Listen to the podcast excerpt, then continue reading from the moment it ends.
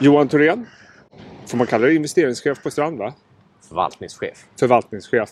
Eh, jag tänkte att så här inför sommaren att vi skulle prata lite trender och lite sammanfatta senaste ja. tiden. Och jag tänkte den första trenden som har varit extremt märkbar sista tiden det är ju alla börsnoteringar och förvaltare beklagas ofta för mig för att de har alldeles för mycket att göra och läsa prospekt. Din tanke kring det vi ser?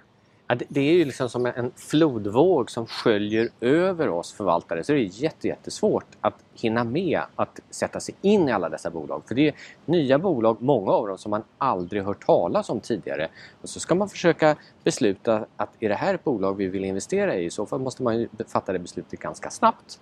Eh, och så behöver man sätta sig in i de här bolagen, träffa ledningarna och så vidare. Men problemet är att om det kommer två, tre sådana förfrågningar om dagen med helt nya bolag så tar det ju väldigt mycket av liksom hela förvaltarorganisationens kapacitet att hela tiden försöka gräva i de här. Så ibland så är man tvungen att nej, vi har inte fått tillräckligt med eh, kunskap om bolaget så vi vågar inte gå in, så vi passar det. Eh, eller så eh, att man helt enkelt känner att nej, det där känns inte tillräckligt intressant för oss, det passar inte oss riktigt. Så då lämnar man det åt sidan. Så får man senare kanske sätta sig in i bolaget lite bättre när man har tid.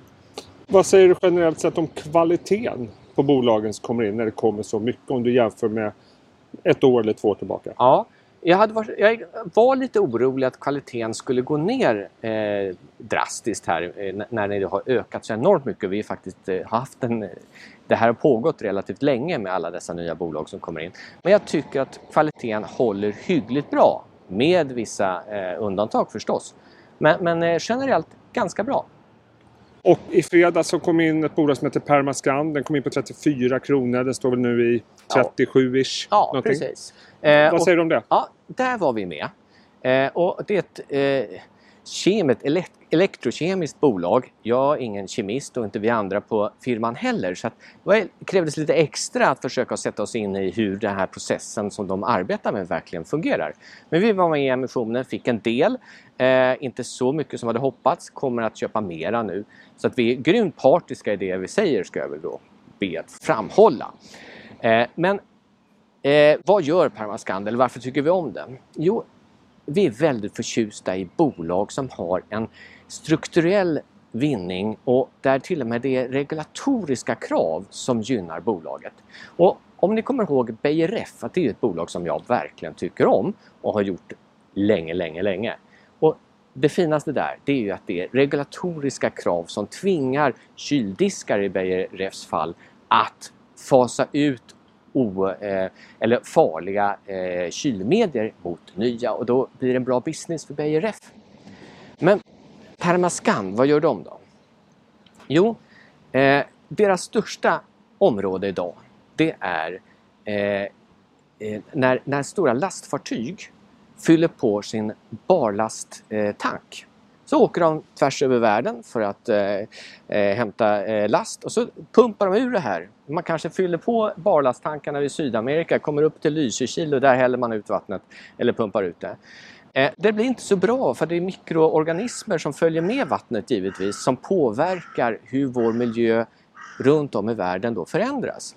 Eh, så att nu har man äntligen, det borde skett mycket, mycket tidigare, kommit med regulatoriska krav att alla dessa fraktbåtar runt om i världen som har barlasttankar. För att de ska få fortsätta att köra så måste de 2025 ha, haft, eh, ha en installation i båten som gör att barlastvattnet blir ofarligt, det vill säga att man tar död på mikroorganismerna i det innan man pumpar ut det. Det är 48 000 båtar. Hittills har världen installerat på 12 000 av de här. 20% av dessa 12 är eh, har Permascand levererat tekniken till. För att vad gör Permascand då? Ja, det är ett kemiskt bolag som är avknoppat från Axco Nobel eh, för ett antal år sedan, eller det management buyout därifrån. Eh, 50 år gammalt. De har enorm kunskap i eh, katalytisk beläggning på elektroder. Och den här beläggningen, den är det som är det viktiga. Deras recept på den och hur de får den att funka det är de otroligt starka på. Och då kan man ha olika former av lösningar i de här barlasttankarna men alla behöver, eh, om man har den tekniken, behöver de här beläggningarna för att då ta död på dem. Så det spelar ingen roll vilket varumärke som levererar den typen eh, av barlastrening. Det är ändå eh, som har levererat då de här eh, beläggningarna. Och det där är ganska så bra för det blir också en extra då, eh, sekundärmarknad för att efter ett antal år så behöver de där bytas ut eller renoveras. Så det blir en eftermarknad som funkar. Det ena, det som är spännande är att vätgas är något som pratas om hela tiden nu. Att det ska hjälpa upp det, hela vår eh, då egentligen förnyelsebara eh, energin. Eh, på något vis kommer ju vätgas vara involverat. Riktigt hur det kommer vara, det vet vi inte ännu. Men det spelar inte så stor roll för när du tar fram och skapar vätgasen så behöver du ha elektroder som har beläggningen på sig, katalytiska beläggningar. Och här kommer då Permascand in igen. Och lika samma sak här, det spelar ingen roll vilken teknik inom vätgas som kommer bli den dominerande. De kommer att behöva eh, den här eh, beläggningarna som eh, Permascand levererar. Då har vi ett spännande börsnotering i alla fall. Ja, det är något som är absolut värt att försöka sätta sig in i. Ja, så den har inte dragit iväg så många andra börsnoteringar. Så att, eh, ja, lite sant. Antagligen just för att den är lite komplicerad. Jag tänkte på en annan trend som inte går att missa. Det är det här med digitala valutor. Det har ja. pratats om det länge. Jag känner att det nästan har eskalerat. Ja. Eh, dina tankar kring det och framtiden för digitala valutor? Jag tror att framtiden är väldigt god för digitala valutor. Men om det blir bitcoin eller någon av de andra som blir den dominerande, det har jag ingen aning om. Men jag tror man ska ta fasta på en sak. Och det är vad Lagarde sa i höstas. Eh, hon meddelade då på en presskonferens att inom fyra år kommer alla europeer ha eh, ett bankkonto i ECB och vi i Sverige då hos vår Riksbank för elektronisk valuta. Man kommer ha en elektronisk euro. Det där är ju ganska intressant, för vad händer ifall det här verkligen sker? Det är deras absoluta mål att nå det. Nu är det snart bara om inom ja, det är tre och ett halvt år. Eh, och eh, Jo, då kan man ju fundera så här att tänk om ni får eh, er lön. Kommer ni vilja ha lönen på en vanlig svensk bank? Eller kommer ni vilja ha den hos Riksbanken? Ja, men om det är räntemässigt ingen skillnad, men ja, teoretiskt sett kan ju faktiskt en svensk bank gå omkull, även om jag inte tror att det kommer ske. Riksbanken lär inte gå omkull. Så varför inte ha det hos Riksbanken? Så väldigt många kommer ju ha sina lönekonton och sparkonton hos Riksbanken. Eller ECB om man är europé. Eller har, eh, och då kan man ju ställa sig frågan, vad händer för bankerna? För idag får ju bankerna en väldigt fin inlåning genom att vi har våra konton där, våra inlån, eh, sparkonton eller lönekonton. Om vi istället tar det hos Riksbanken, eh, då måste ju banken tänka om lite grann. Hur de ska kunna lösa sin finansiering. Det är, idag är det ju egentligen en gratisfinansiering som de får den kommer ju bli mer komplicerad och sannolikt kostbar för dem. Så att eh, på sikt negativt för banker helt ja, enkelt? Ja, det tror jag absolut. Ja. Och apropå banker. Eh, något som är återigen på bordet är det där med bankskatt i Sverige. Och då tänker jag på skatter generellt. Att det börjar surras mer och mer om höjda skatter. Inte bara i Sverige utan på olika håll även i USA i spåret av pandemin. Ja. Är det en skattehöjarperiod vi går in i nu? Ja, det är väl det man kan vara helt övertygad om eh, om vi siar framåt. Jag, jag tycker att det är ganska svårt att titta framåt för att kristallkulan är hyggligt grumlig nu eh, efter pandemin och, och, och hela den värld vi befinner oss i. Men någonting som man ser tydligt, det är att vi är just i en skattehöjartrend. Eh, och USA kommer antagligen ta ledartröjan i detta. Eh, och det kan man se så fort Magdalena är ute och pratar om att man ska höja skatten på eller försämra villkoren för ISK-konton och så vidare så hänvisar hon, hon vill liksom ha sin rygg fri för hon hänvisar till Biden och säger att ja, men det här det är en trend som nu kommer från USA. Eh, så att det stämmer. Det kommer att komma en hel rad med skattehöjningar i USA. Frågan är på vilket sätt de blir det eh, och huruvida de kommer skada aktiemarknaden. Demokraterna gick ju till val med faktiskt att införa en omsättningsskatt. Eh, vi har pratat om det tidigare och, och eh, det, vi får väl se. Med, med, vissa beteenden i aktiemarknaden som GameStop-rörelsen och så vidare. Det späder ju tyvärr på de här personerna som vill ha en omsättningsskatt.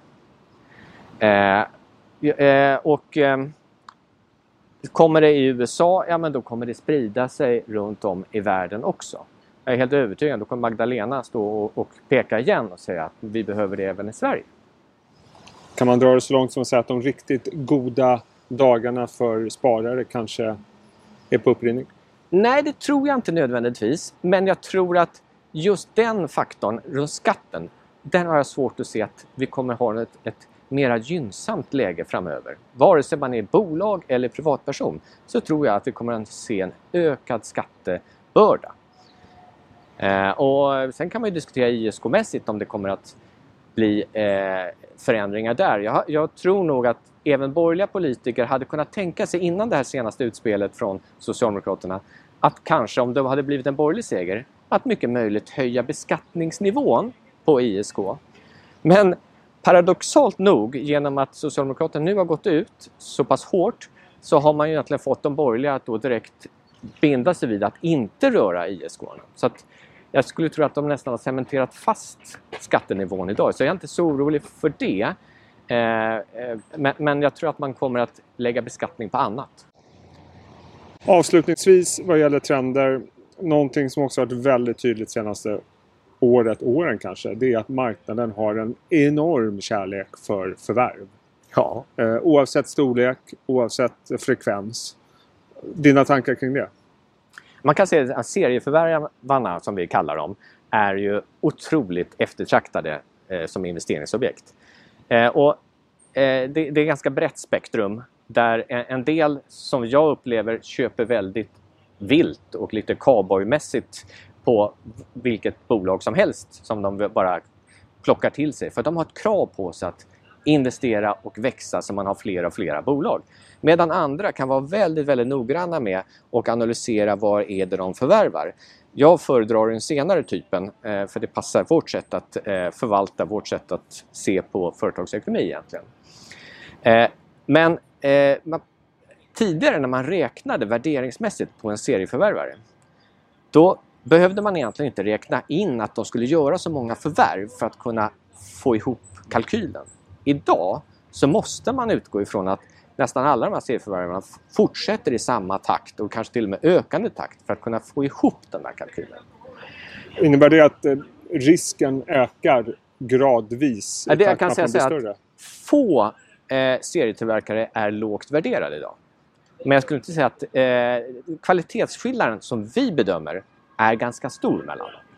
vi gäller... känner oss trygga i dem vi är investerade i. Så det gäller att vara selektiv, som vanligt? Ja, absolut. absolut. Avslutningsvis Johan, eh, det är sommar. Ja. Äntligen. Ja. Eh, pandemin är åtminstone för den här gången ser ut att vara på... Ja, vi har en paus från den i alla fall. Vi tar en paus. Eh, hur känner du för sommaren och börsen? Det, det, känns som det pågår en liten strid mellan värde, tillväxt och sekuritation ja. och allt möjligt. Jag har ju trott att efter att utdelningsperioden nu var över så skulle vi få en sämre börs. Det tyckte jag låg lite grann i korten. Eh, och att vi skulle, eh, det skulle vara här under eh, slutet på våren, början på sommaren, en sämre börs. Det har, inte, det har jag haft fel. Det är fortfarande en styrka i marknaden. Det skulle inte förvåna mig om den styrkan håller i genom sommaren också. Det känns hela tiden som att så fort det blir en sättning så kommer kapitalet in. Vi, vi är så pass... Eh, aktiemarknaden är så stimulerad med de här likviditetsinjektionerna egentligen. Så att, eh, jag skulle tro att det här håller över sommaren. Har du eh, och ni samma aktieexponering nu som ni hade för ett Vi ligger ganska neutrala. Så att eh, vi, vi vill inte ha någon övervikt som läget är. Utan vi ligger neutrala. Känns bra. Stabilt. Det gör det, men, eh, ja, men då har man alltid lite muskler att också agera ifall det blir en sättning. För det är ju då som de fina tillfällena kommer. Johan Thorén, alltid kul att träffa dig. Jag önskar tack. dig en riktigt härlig sommar. Detsamma tack.